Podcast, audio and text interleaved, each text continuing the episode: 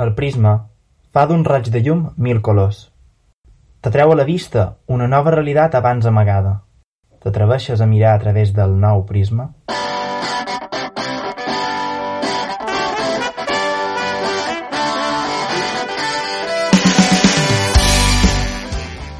Bon dia i benvinguts al nou Prisma. Ara que estem tots confinats a casa, que no podem sortir al carrer, per què no parlar de quan s'hi podíem? O millor dit, per què no parlar de quan podem sortir?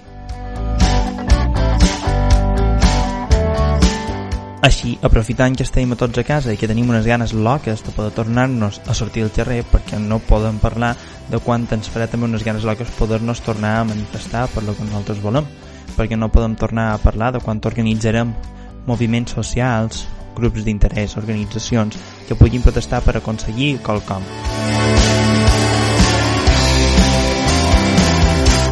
Cada dia ens mobilitzam per a qualsevol cosa i algunes vegades ens mobilitzam en clau col·lectiva. Algunes vegades anàvem a manifestacions, entràvem en aquestes organitzacions de teatre política social, participant, per exemple, d'associacions de veïns, anàvem a les assemblees de barri. La població, en certa manera, necessita actuar de manera global i col·lectiva, com animals gregaris que són perquè necessitem de la col·lectivitat per poder aconseguir uns béns propis, uns interessos propis o fins i tot uns béns aliens que creiem moralment justos. Ara bé, també tots sabem, o pots que ens hem mobilitzat a vegades, que no totes les mobilitzacions tenen èxit. A vegades presumim dins els moviments socials que el simple fet d'anar a una manifestació ens donarà l'èxit perpetu de que aquella manifestació tindrà resultat i que ens escoltaran. Però sabem realment que això és molt naïf, que realment no és així. La qual cosa hi ha uns certs moviments que fracassen i altres que no. La nostra pregunta que ens farem aquí és per què? Per tant, avui intentarem resoldre aquesta gran pregunta de per què l'acció col·lectiva, que és el que nosaltres avui parlarem, aquesta acció col·lectiva a vegades fracassa i altres no. I ho farem a partir de les altres, de moltíssimes teories que han anat sorgint a partir des dels anys 60, 70 i 80 que intenten posar aquesta resposta perquè algunes fracassen i altres no. Així parlarem de Dahl, de Schmitter, de Olson, de Luckman i de tants altres clàssics de la ciència política i la sociologia que ens ajudaran a entendre quan una manifestació, quan una organització, quan un moviment social té èxit i quan no. I per què d'aquesta resposta de partir de teories diverses i de respostes evidentment també diverses, que no vol dir que totes siguin errònies ni que, uh, ni que totes siguin encertades. Que no coneixeu aquests noms de Dahl, Schmitter, Olson, no us preocupeu, quedau, escoltau el podcast No Bon Aneu, perquè ara comença aquest viatge per l'acció col·lectiva i els descobrirem. Avui, el nou prisma per què uns moviments socials fracassen i altres guanyen.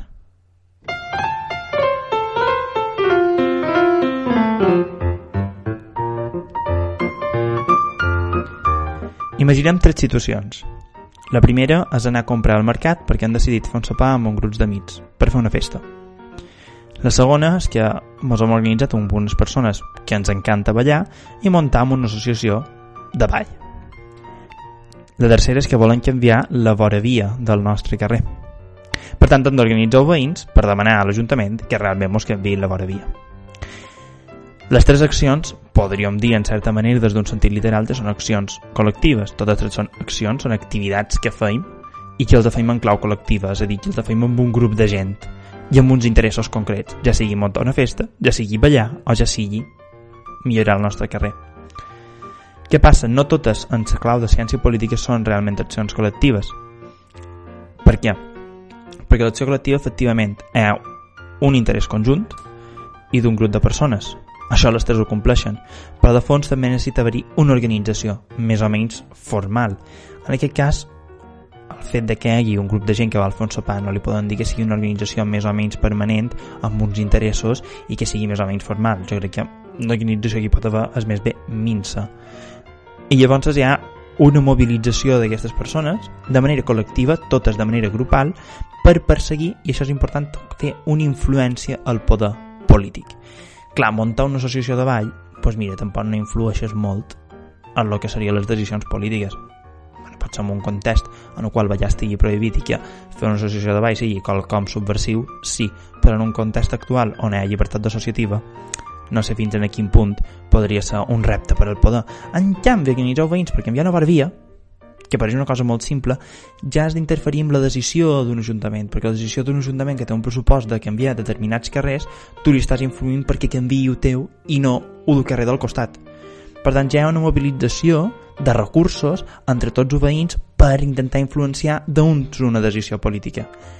Així també hi ha un context i una contingència, que per muntar una associació de ball la pots muntar avui o la pots muntar demà, però canviar la vora via la podràs canviar si és ho tens de decidir pressupostos, si llavors has s'obrir una, una, una audiència pública i a partir d'allà intentes mobilitzar-te per realment canviar o per canviar una planificació urbanística o el que sigui, per tant també hi ha un context en el qual aquest moviment pot tenir una influència o no.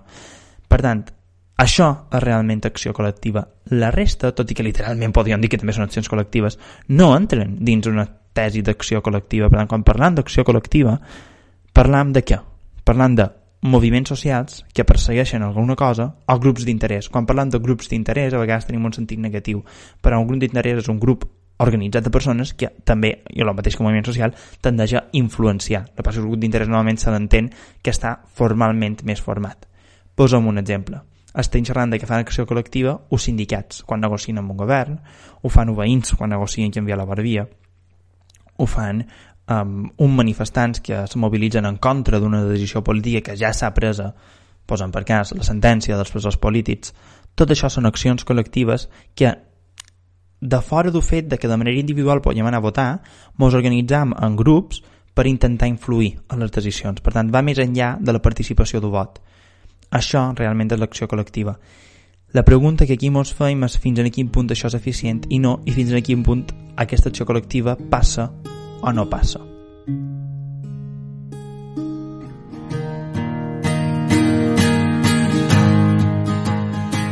Per això començarem parlant d'un politòleg que és central a la història de la ciència política, que és Robert Dahl. Dahl se centra en una població New Haven d'Estats Units i intenta observar les seves dinàmiques de poder interna. Vale? Això que va fer a New Haven ho podríem fer també, vés a dir, a Barcelona. No? i ell funda una escola que se diu behaviorisme, que ve de behavior, i aquí hem fet una traducció un poc així, de behaviorisme o conductivisme, que ja és més traduït. Vale. Per què uh, behavior? Perquè ell se centra en les conductes de les persones, en les, la manera de fer de les persones per determinar com és ho poder o com no. Anem a explicar una miqueta això. No Robert Dahl diu que les decisions reflexen un conflicte.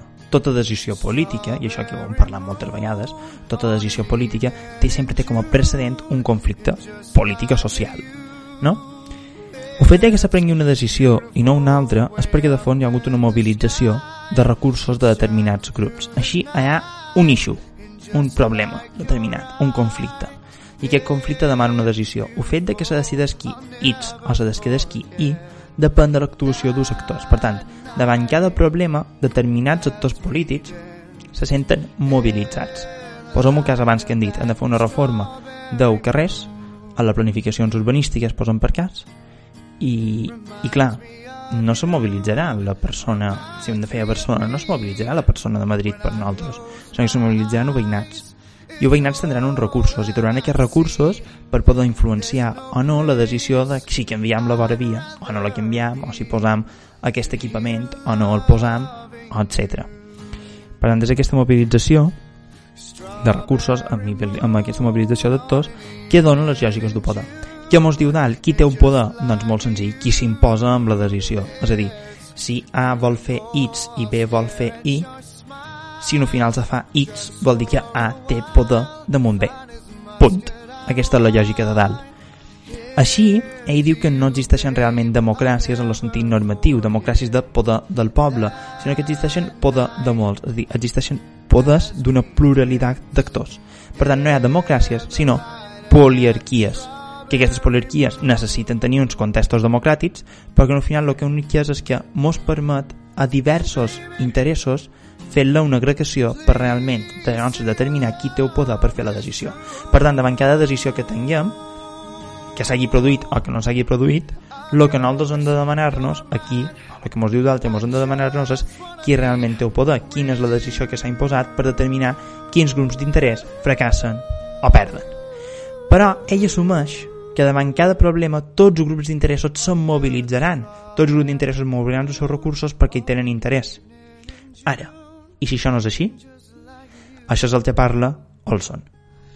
It's beautiful way up in the sky It shines through the night And just like your eyes Si esteu més interessats en Robert Dahl, Robert Dahl té un llibre magnífic que se diu Who Governs i un altre de què és la democràcia. Allà on parla realment de les poliarquies i a Who Governs parla d'aquesta anàlisi de New Heaven són dos llibres meravellosos i si no vos voleu llegir dos llibres i voleu anar una miqueta més enllà de dalt també vos recomano un altre llibre que és de Stephen Lux que es diu El poder tridimensional el poder tridimensional o El poder una visió radical. El poder tridimensional és un article i el poder una visió radical és el llibre sense allà on es detalla una miqueta més. Una crítica de dalt però dins els seus termes. Realment molt recomanable però clar, han dit que dalt tenia aquest problema, que tenia una visió possiblement un poc massa positiva de dir que en final, en darrera instància, tots els grups mobilitzaran, perquè això és la condició de la poliarquia, i en certa manera, per dir-ho de manera molt resumida i molt poc acadèmica, guanyarà o més fort. Olson té una visió una miqueta més negativa.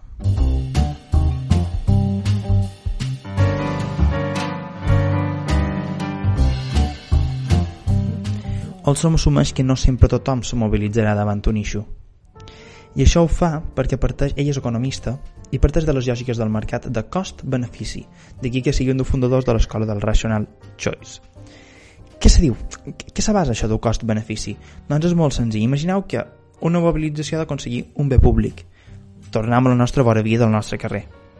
Clar, si tots els meus veïns se mobilitzen i jo no me mobilitz, però s'aconsegueix la vora via, jo me beneficiaré, però tindré menys costos.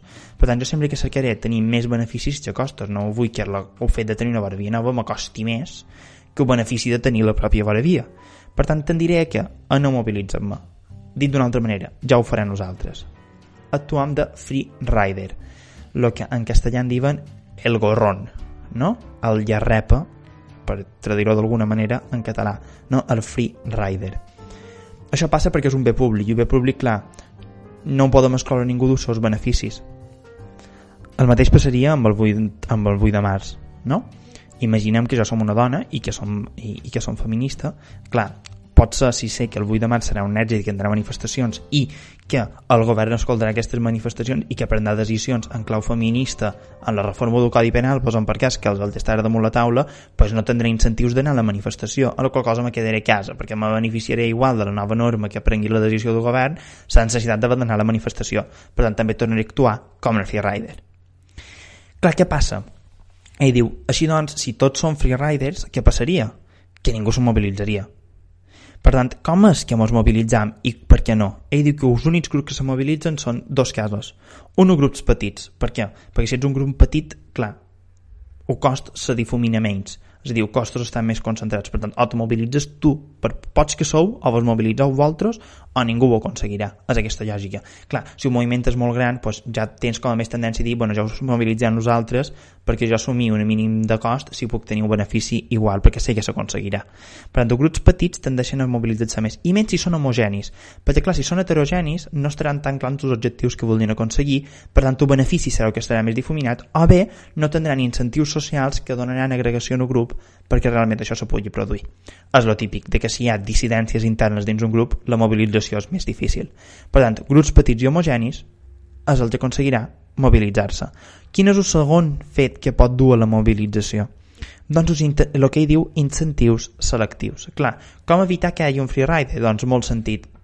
O castigant un freerider o beneficiant o que no actua com a freerider.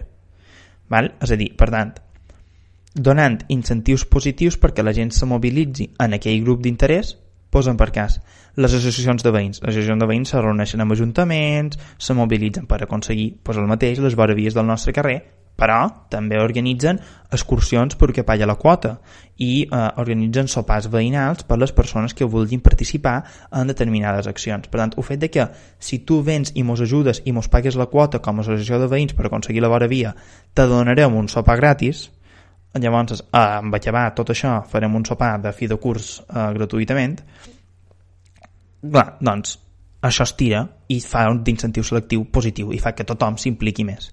O bé incentius selectius negatius. El que és més famós és el piquet d'un sindicat. Clar, com pot aconseguir un sindicat que sigui un èxit la, la, la vaga? Doncs molt sentits, molt, molt, molt, molt fàcil, és dir, posant un piquet i castillant en aquell esquirol que intenta entrar no? i assenyalant-lo. La cosa, aquests incentius selectius positius i negatius són, són clars. O bé la quota també, eh? també seria un, un dels incentius selectius. Per exemple, així és com ell explica, per exemple, l'èxit d'Hominers. Clar, Hominers són un grup molt homogeni de treballadors, que més no rep influències externes, per tant és molt homo és, és homogeni en quant a interessos i homogeni en quant a perfils de la gent que hi participa. Alhora és un grup petit, perquè cada mina tampoc no existeixen unes grans mobilitzacions de gent, no és com per exemple l'obra de fàbrica, que cada fàbrica hi ha obres i estan molt dispersos, molt llunyans i són molts. Miners hi ha una mina i tots estan molt concentrats dins conques mineres, per tant són grups petits, concentrats, homogenis i que alhora tenen incentius selectius negatius o piquet de la valla. La cosa fa que les vagues mineres, com va passar al Regne Unit, fossin tan efectives. Aquesta és la lògica d'Olson.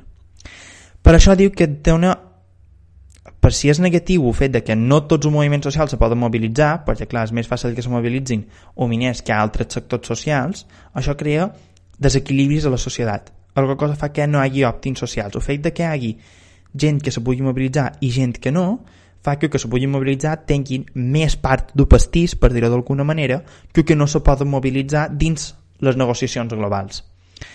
Ell diu que sempre hi ha dues opcions. L'opció seria que aquest grup majoritari intentés fer gran o pastís, però com que per ell tot sol no pot fer gran o pastís, el que sempre tendirà a fer és a fer, fer un rent seeking, és a dir, intentar aconseguir la màxim possible de beneficis dins el que ha de pastís. Per tant, no farà créixer pastís, no donarà més productivitat. La productivitat només la donarà un mercat. Aquesta és la lògica d'Olson, que ja dic, parteix d'una lògica capitalista, parteix d'una lògica liberal, parteix de la lògica del rational choice, i quins problemes té? Doncs té diversos problemes. Clar, el primer problema quin és? Que jo dic que la lògica del freerider duria que, que el 8 tema fos 8 i el 8 tema és ple. El 8 tema cada any hi ha milers i milers i milers i milers de dones que surten a nuclear reclamant els seus drets i que moltes vegades no són escoltades i tot i així tornen a sortir. És a dir, que sempre hi ha més cost que benefici en qualsevol mobilització i 8 tema és un clar exemple.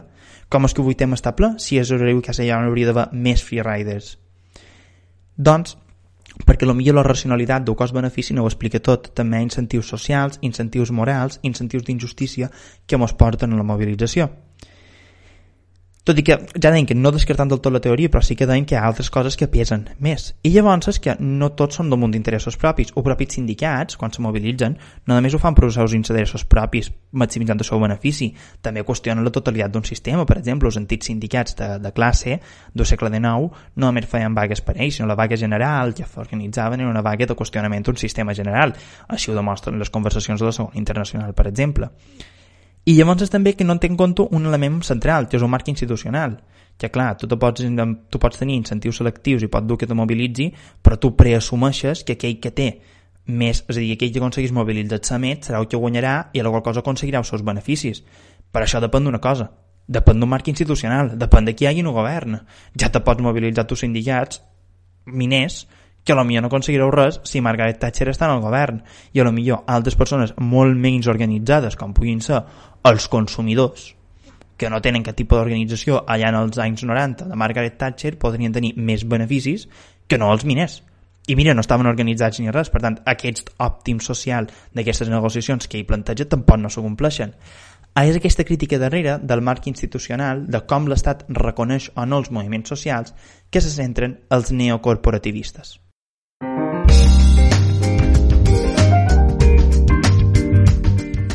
Els neocorporativistes, que se diuen neo per diferenciar-se dels corporativistes feixistes i corporativistes catòlics del segle XX, els neocorporativistes que plantegen que els sistemes de representació dels grups d'interès, és a dir, de les mobilitzacions socials, tenen èxit quan? Doncs quan l'Estat els reconeix. És a dir, quan l'Estat els hi dona un monopoli de la representació. És a dir, tu me dius que me representes, posa'm per cas, un treballadors. Bé, doncs jo te l'oportunitat perquè realment els representis.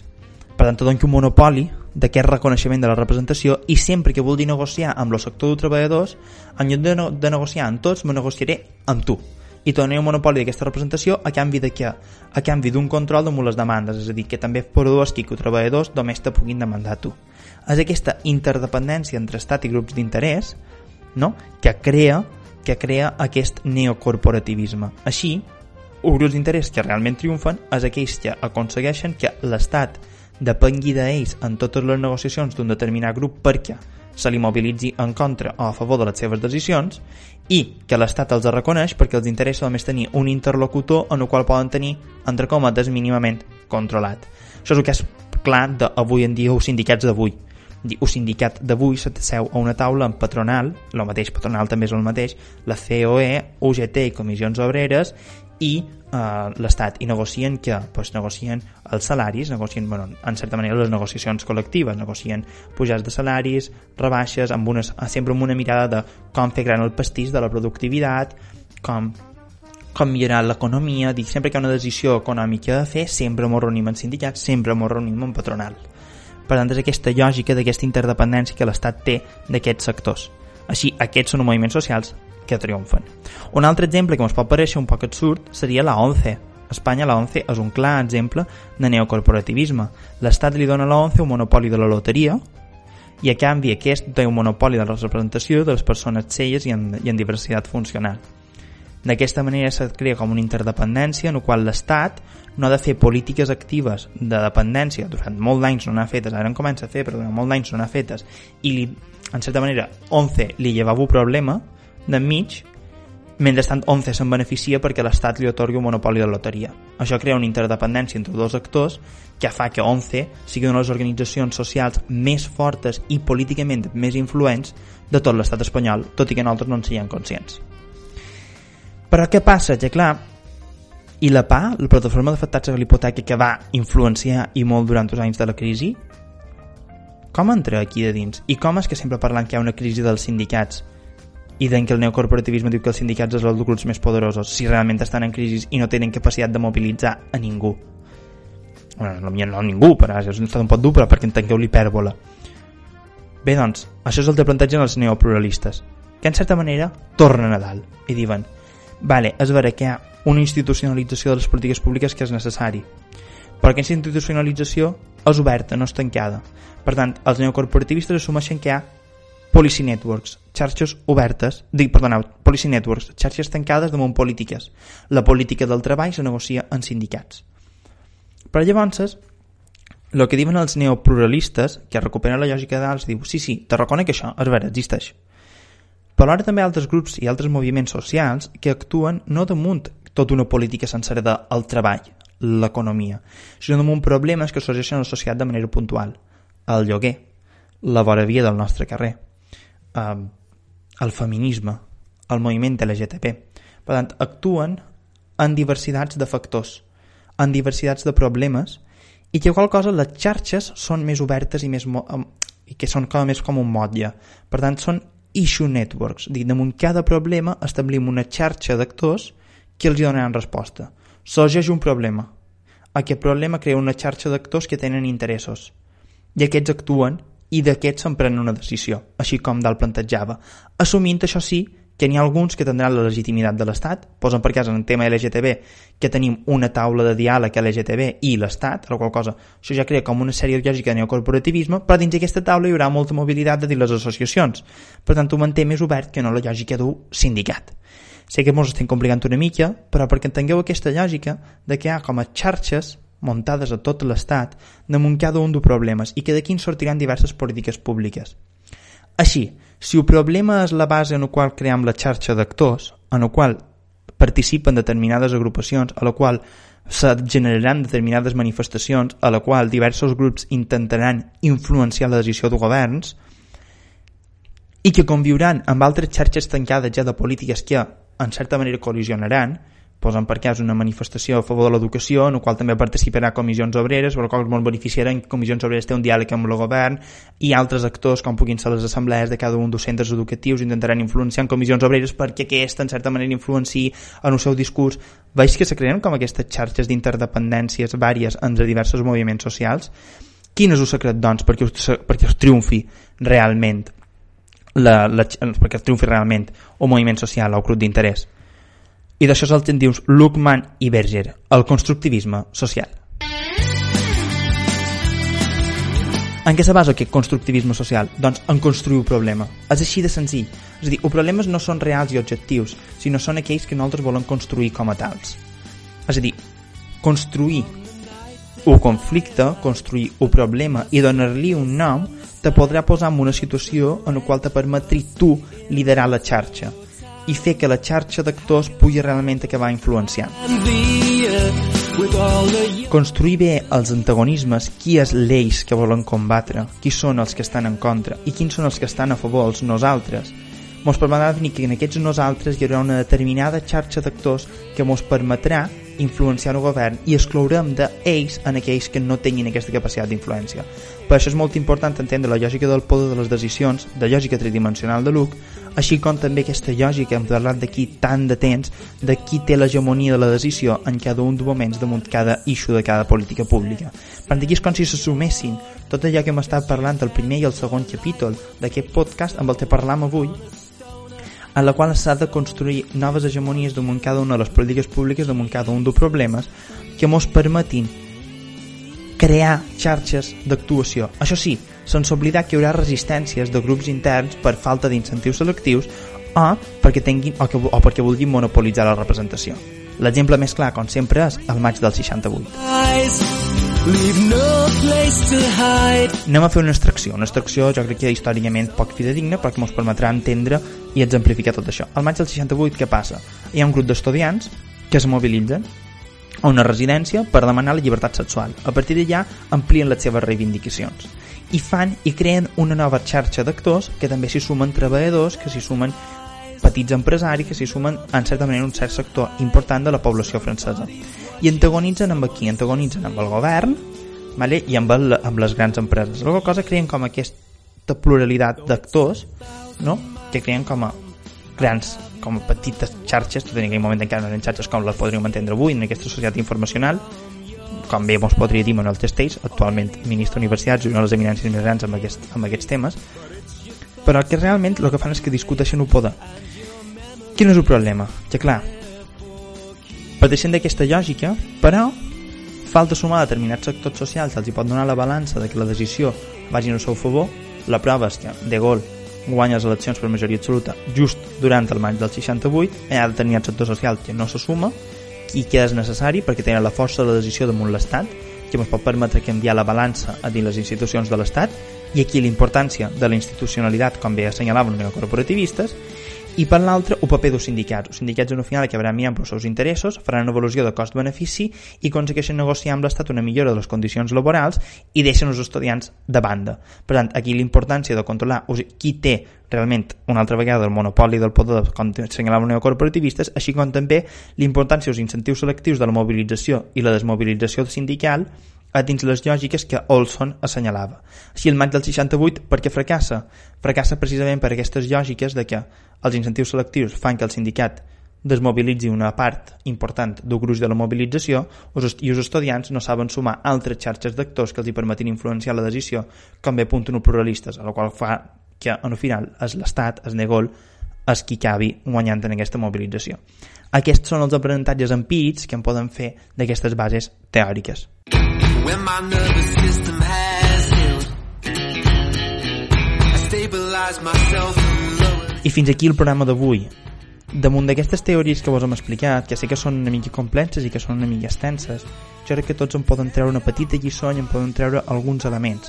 Perquè cada vegada que volem organitzar damunt alguna cosa, perquè ens trobarem sempre la situació d'alguna injustícia i ens volem mobilitzar a favor d'una política pública perquè tenim un problema, haurem de fer sempre una cosa. Primer, definir el problema, de tal manera que determinats actors que tenen capacitat d'influència se puguin sumar a altres. Ara, això sí, segon, definir-lo de manera que aquesta construcció social ens beneficiï a nosaltres i només els altres actors podien crear xarxes podien crear xarxes allà on la nostra posició de respecte a la política sigui la que prevalgui, per tant creant homogenitat dins el grup, com bé podria assenyalar Olson.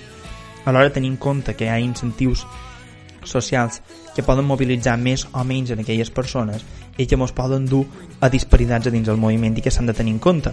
Certament és que Olson va fallar amb aquesta roda i que el cost-benefici és qui mana, però cert és també que hi ha determinats incentius morals, socials i també materials, com he plantat Olson, que s'han de tenir en compte.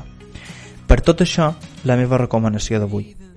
La meva recomanació d'avui és Tractat per radicals, un llibre de Saul Alinsky on parla de com ell ha creat community organizers, és a dir, organitzadors comunitaris, que això és molt famós als Estats Units, que es veia aquesta lògica de dalt, de, davant cada issue, davant cada problema, com podem organitzar les comunitats diverses, creant xarxes per realment fer front d'un problemes, quines són les qualitats que aquest organitzador necessita tenir i com aconseguir que això triomfi. Allunyant-nos de dogmatismes, allunyant-nos d'ideologies i avançant damunt el problema, definint el problema, construint el problema de manera imaginativa i creativa per poder actuar, a donar la solució i influenciar en el poder. Fins aquí ja dic el programa d'avui, espero que vos hagi agradat, espero que vos serveixi per reflexionar les mobilitzacions, potser més endavant en parlarem més, ens aturarem més en cada una d'aquestes teories, vos deixo aquí aquesta recomanació de Tractat per Radicals de Saul Alinsky i sobretot, recordeu, siau realistes i demaneu l'impossible.